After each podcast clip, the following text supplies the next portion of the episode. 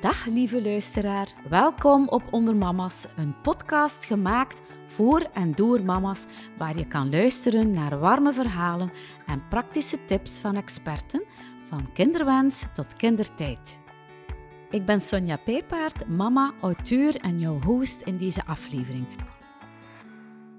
Dag Tom, welkom bij Onder Mama's. Vandaag heb ik het samen met jou als gynaecoloog over alle feiten en fabels over zwangerschap. Maar eerst wil ik even de tijd nemen om jou voor te stellen aan de luisterende mama's. Kan je even kort vertellen wie jij bent? Ja, ik ben gynaecoloog, 44 jaar in het Gentse, een allround gynaecoloog. Ik doe een beetje van alles, van operaties tot bevallingen. Ja, noem het maar op. Hè. Ons uh, beroep is nogal veelzijdig. Gaan van consultaties tot zelf de diagnose stellen, operaties doen. Dat maakt het wel spannend. Hè.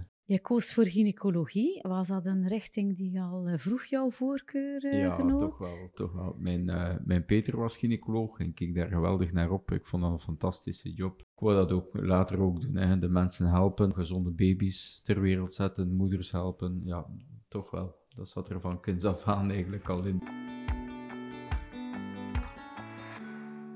Kan me voorstellen dat jij wel heel wat vragen krijgt en verschillende typen en soorten vragen in de praktijk. Zitten daar ook vragen tussen waarvan dat jij denkt dat zijn fabeltjes? Ja, toch wel. En die fabeltjes blijven maar terugkeren. Dus het is misschien nuttig dat we vandaag eventjes een aantal fabeltjes uh, uit de wereld, uit, de wereld, helpen. Ja. Is het uh, zo dat vrouwen sneller kiezen voor een vrouwelijke gynaecoloog? Of is het een fabel?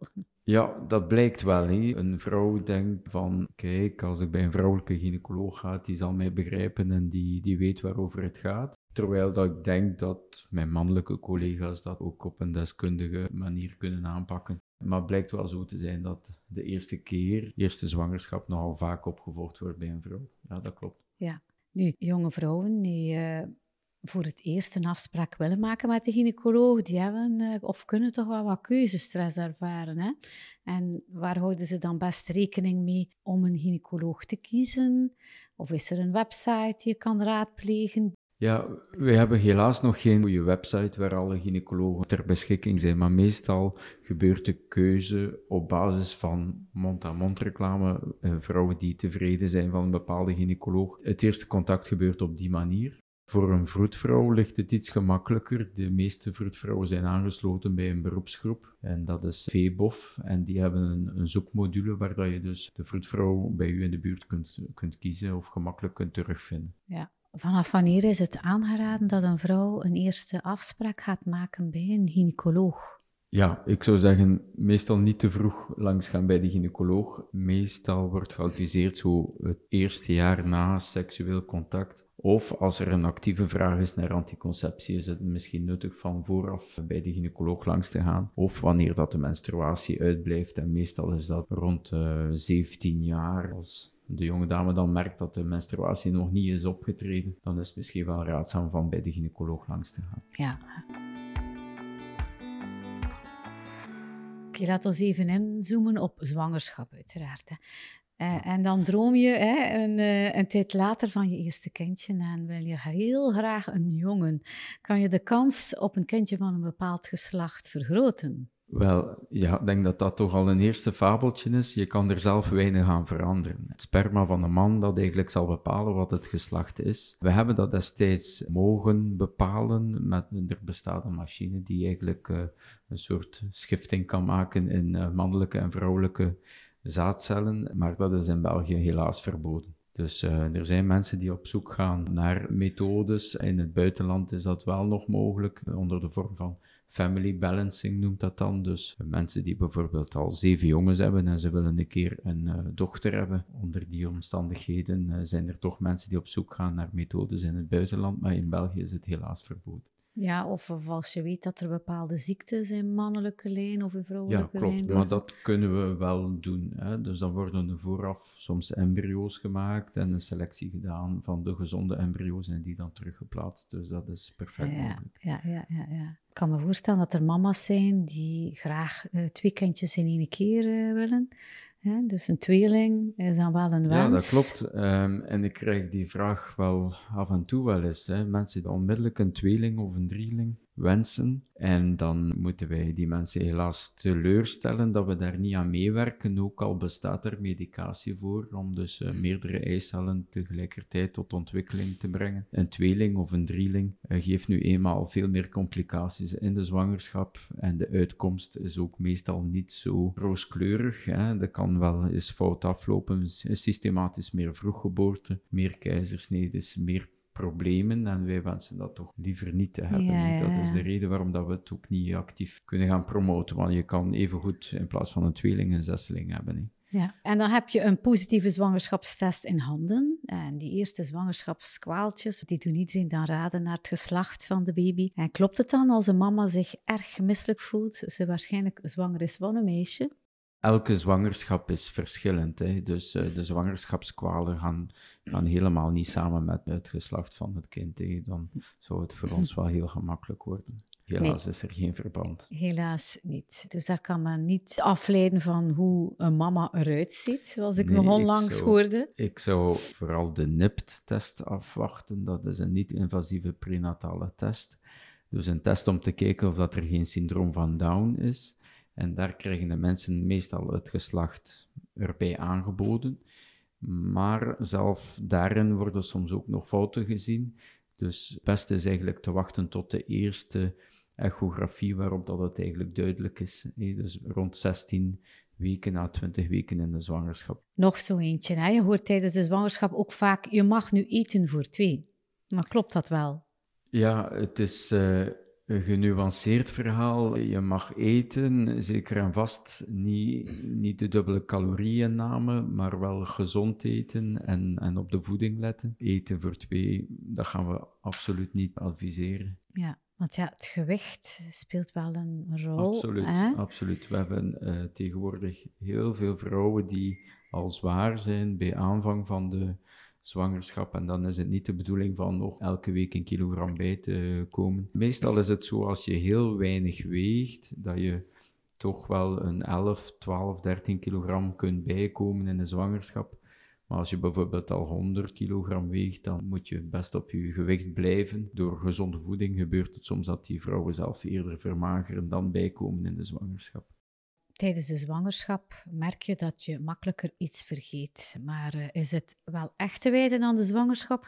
Of bestaat er wel echt zoiets als zwangerschapsdementie? Ja, ik moet zeggen dat uh, dat wordt nogal vaak verteld, ja. maar ik vind er bitter weinig studies over terug. Dus misschien moeten we daar eens een grondige studie naar doen. Maar ik denk dat het nogal vaak op de zwangerschap wordt afgeschoven, maar dat er niet meer of niet minder dementie is bij zwangere vrouwen. Ja, het vergeten op zich ja, is niet noodzakelijk uh, gelinkt aan uh, zwanger zijn. Ja, en dan is het wel belangrijk om af en toe je hoofd een keer leeg te maken, hè, zodat je minder vergeet, hopelijk. Mm. Maar voldoende rusten is belangrijk en me-time is ook een belangrijk iets.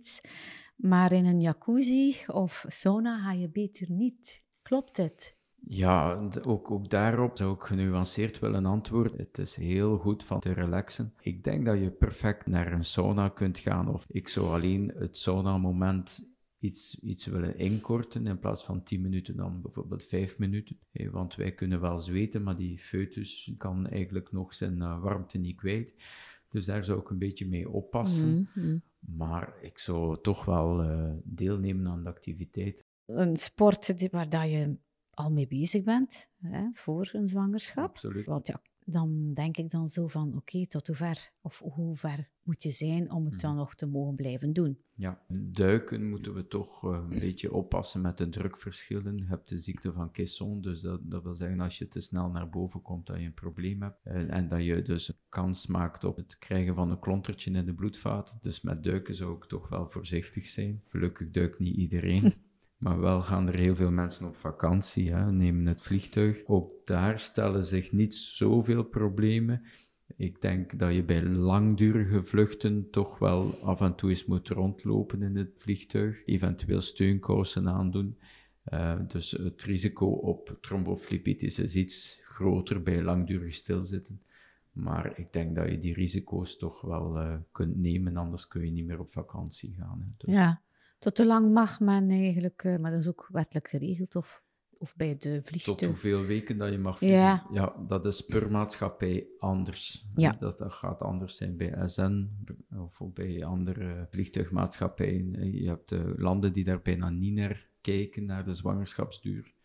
Maar het heeft een uh, verzekeringsmatig, hoe zal ik zeggen. Dus stel nu dat iemand moet be bevallen op een vliegtuig, wordt het toestel soms aan de grond gezet en dan zijn er soms betwistingen over uh, waar is het kind geboren. Of, ja, ja. Hè, dus uh, een, een, toestel aan de grond zetten kost wel heel wat tijd en geld aan de vliegtuigmaatschappij.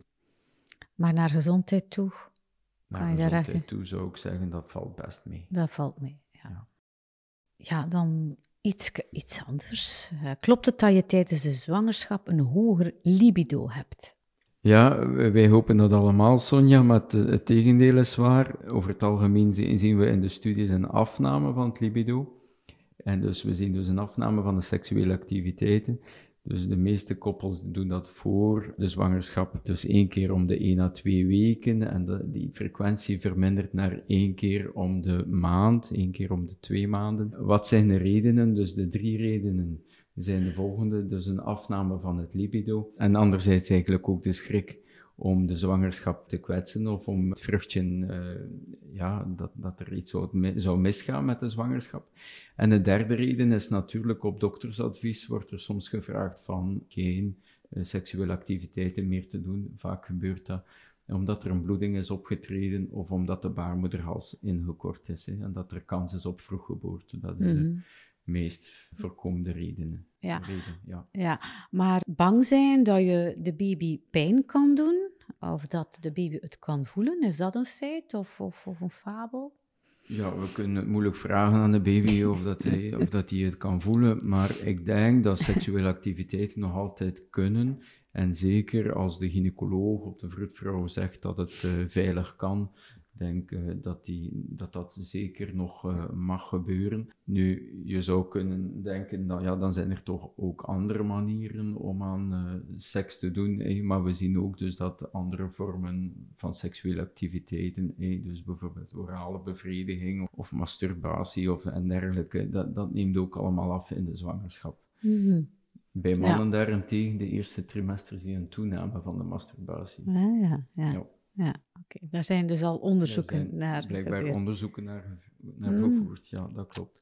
Oké. Maar we kunnen toch wel stellen dat bij 1 op 2 het libido wel afneemt. Ja, bij beide. Ja, ook bij beiden. Maar we zien dat het libido vooral afneemt in de laatste fase van de zwangerschap ook. Waarschijnlijk omdat mechanisch gezien die buik wel wat in de weg zit. Mm. Ja, het wordt gewoon moeilijker. Hè? Naast seks zijn er nog andere redenen voor eh, bloedverlies tijdens eh, de zwangerschap. Neem je best het zekere voor het onzekere. Mhm.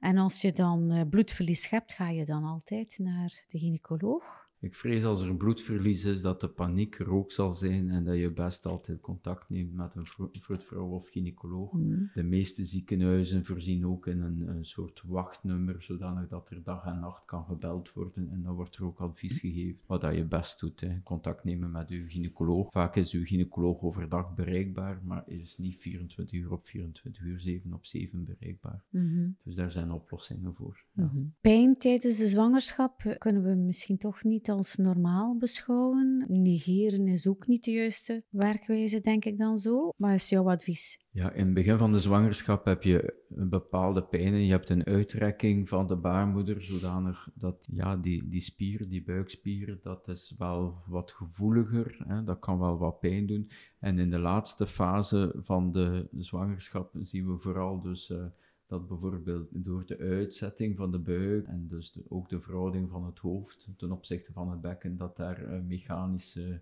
pijnen zijn. Dus de positie van de baby ervoor zorgt dat er pijn is. Het einde van de zwangerschap, dat is inderdaad iets waar dat we soms weinig kunnen aan doen. En dat pas zal overgaan eenmaal dat de zwangerschap achter de rug is. Bij pijn komt automatisch ook de bedenking of je pijnstillers mag nemen of niet. Ja, absoluut. Je kan perfect uh, paracetamol nemen in alle vormen. Uh, kan je vrij verkrijgen in de drogisterij en bij je apotheek. Van belang is dat je altijd koorts tracht te vermijden. Iemand die koorts heeft is nooit goed. Dus altijd paracetamol nemen bij koorts aan de correcte dosis. En is het onvoldoende of wil je toch iets extra nemen, zou ik overleggen met de gynaecoloog of met de vroedvrouw.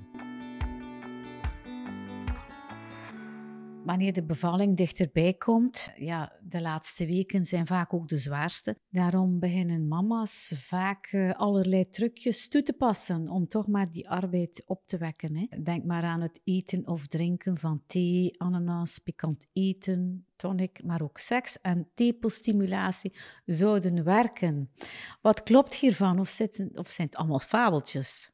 Ja, een baby komt meestal op tijd. En wanneer is op tijd? Het moment dat een baby wenst te komen, dan komen er hormonen vrij. We noemen dat prostaglandines. Het is pas een probleem als je over tijd gaat, één week voorbij de uitgerekende datum, en dat die prostaglandines niet willen komen. Dan wordt het vervelend. Hè. Zijn er methodes om die prostaglandines op te wekken, die hormonen op te wekken? Ja en nee. In de voeding ga je dat niet terugvinden. Hè. Er zijn veel mensen die, die proberen met uh, het eten van pruimen of andere vruchten. En dat werkt meestal laxerend. Hè. Dus mm. je darmen komen daarvan in actie. Ja. En dan heb je meestal diarree. En bij die diarree heb je dan uh, vaak ook nog eens contracties. En zo kan je het opwekken, maar dat is niet de meest aangename manier, denk ik. Mhm. Er zijn een paar studies die aantonen dus dat er ook prostaglandines in het sperma van een man zitten. Vandaar dat het verteld wordt, dus dat je als je seksuele activiteiten hebt, dat dat dan mogelijk de bevalling, de arbeid op gang kan brengen. En dat blijkt wel zo te zijn, maar die, die studies zijn niet zo heel sterk. Hè. Wat dat wel zo is, is vanaf dat je daar manipulatie doet aan de aan de baarmoederhals. Bijvoorbeeld, een vroedvrouw heeft pas onderzocht uh, hoeveel ontsluiting dat er is.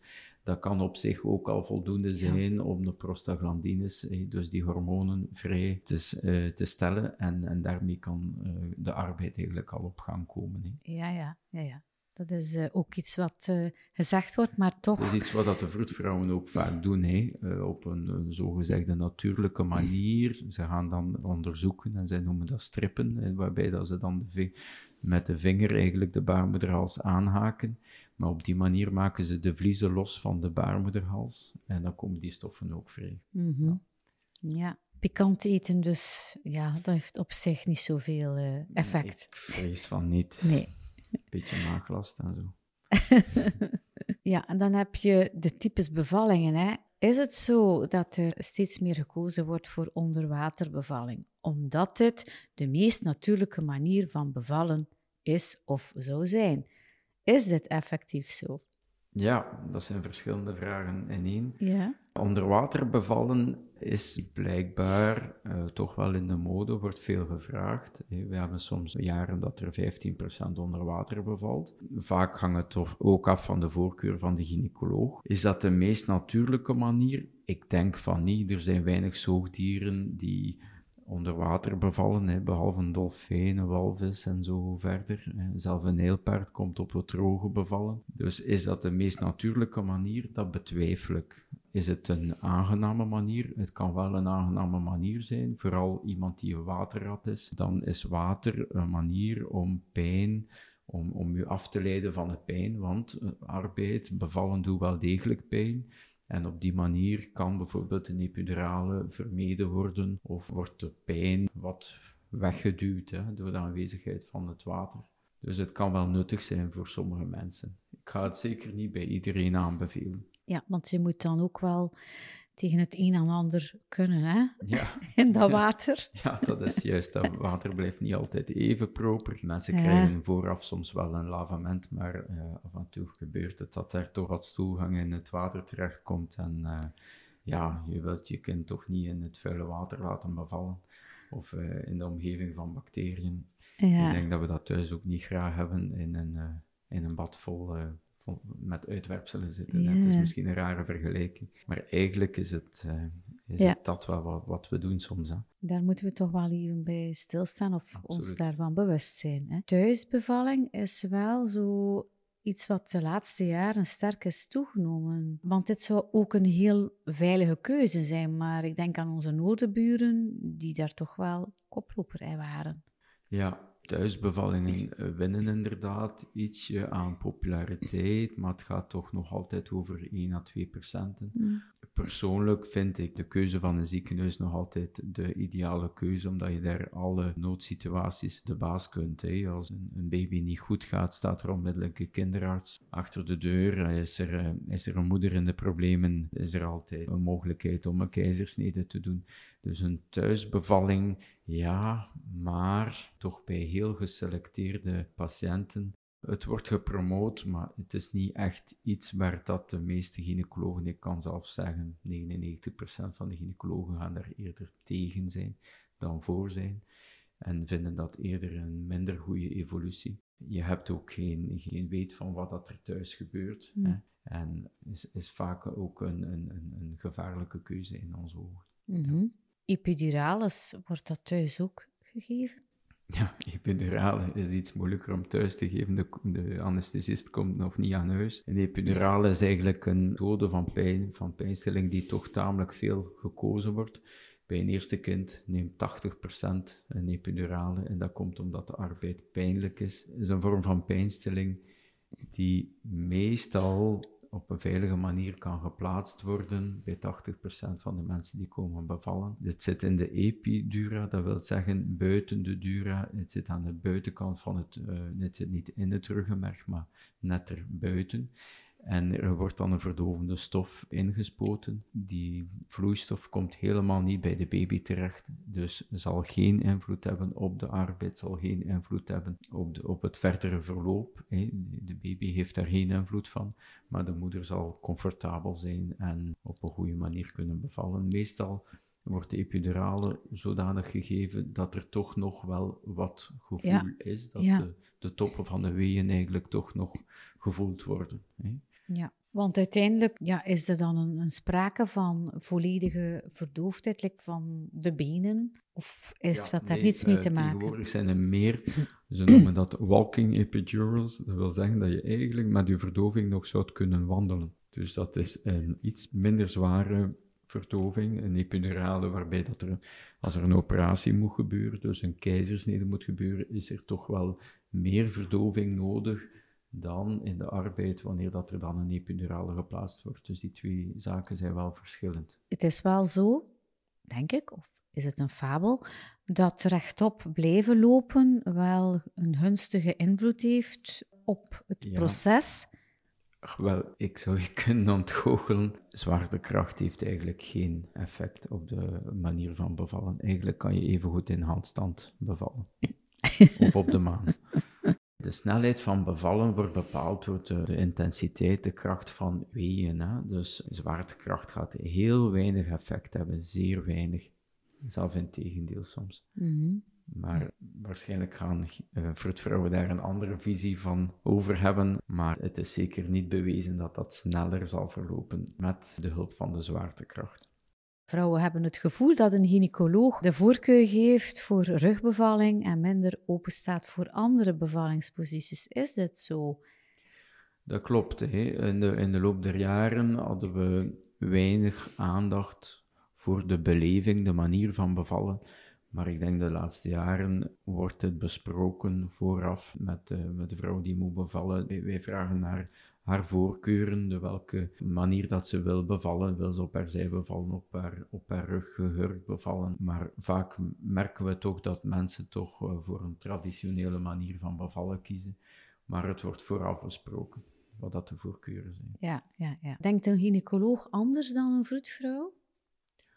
Goh, wij zijn complementair en natuurlijk denken we anders. We zijn anders geschoold, we hebben een andere opleiding. Veel mensen beseffen soms niet dat de fruitvrouw drie à vier jaar uh, gestudeerd heeft, een gynaecoloog soms twaalf jaar, of langer. Sommigen doen er iets langer over.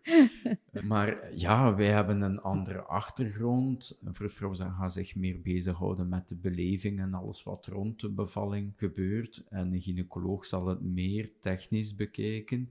Maar ik denk dat de twee aanvullend kunnen werken en dat je niet per se een keuze moet maken tussen vroedvrouw of gynaecoloog. Ik heb er zo nog eentje. Daarnaast hè, wordt er ook te veel gekozen voor een keizersnede. Klopt dit? Ja, die perceptie leeft dat wij ontzettend veel keizersnedes doen, maar wij proberen hier in België toch wel het aantal keizersnedes te beperken.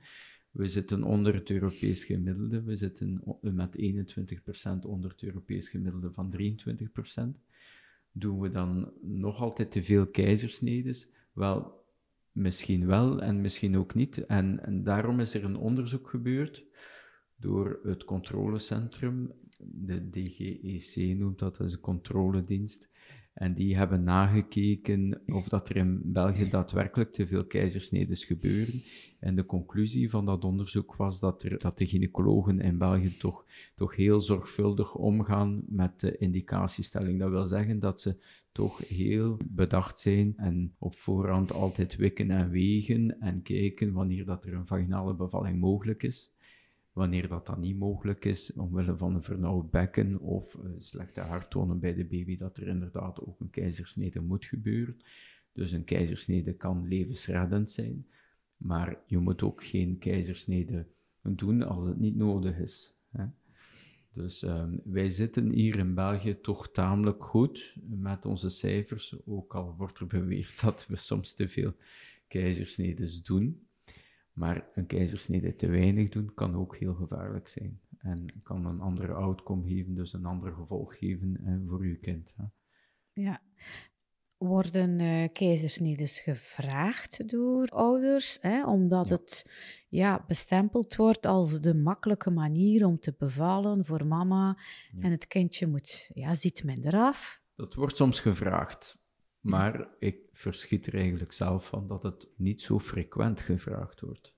Eh, we gaan dat ook natuurlijk niet promoten, maar sommige mensen hebben een zodanig grote angst om vaginaal te bevallen dat ze dat vragen. Anderen hebben andere motieven, andere redenen. Gaan we daar altijd op in? Meestal niet. Ja. Meestal niet. Maar we proberen de juiste afweging te maken. Want als wij een keizersnede weigeren, wordt dat tegenwoordig ook al bestempeld als gynaecologisch geweld. Dat wil zeggen dat we geen rekening houden met de wens van degene die moet bevallen of een keizersnede moet ondergaan. Mhm. Dus het is altijd wikken en wegen. En wij proberen de veiligste methode te kiezen voor moeder en kind. Zo, eh, Tom, we hebben eh, heel wat eh, fabeltjes en wat aannames overlopen in deze podcast. Dank je wel om onze weg te wijzen doorheen al deze fabels en feiten rond de zwangerschap. Ja, dat is graag gedaan.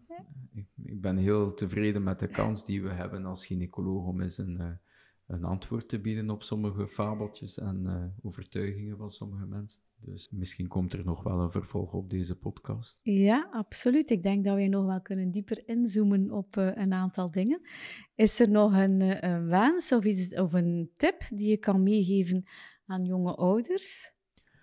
Ja, mensen uh, krijgen ontzettend veel informatie. Wat ik wil meegeven is dat de meeste zorgverstrekkers ontzettend goed opgeleid zijn om voldoende informatie te geven. Dus laat u omringen door uw vroedvrouw, door uw gynaecoloog, door uw huisarts en heb vertrouwen in die mensen. En soms is het beter van even te luisteren naar die mensen in plaats van zelf op zoek te willen gaan op het internet waar dat je alles kan vinden.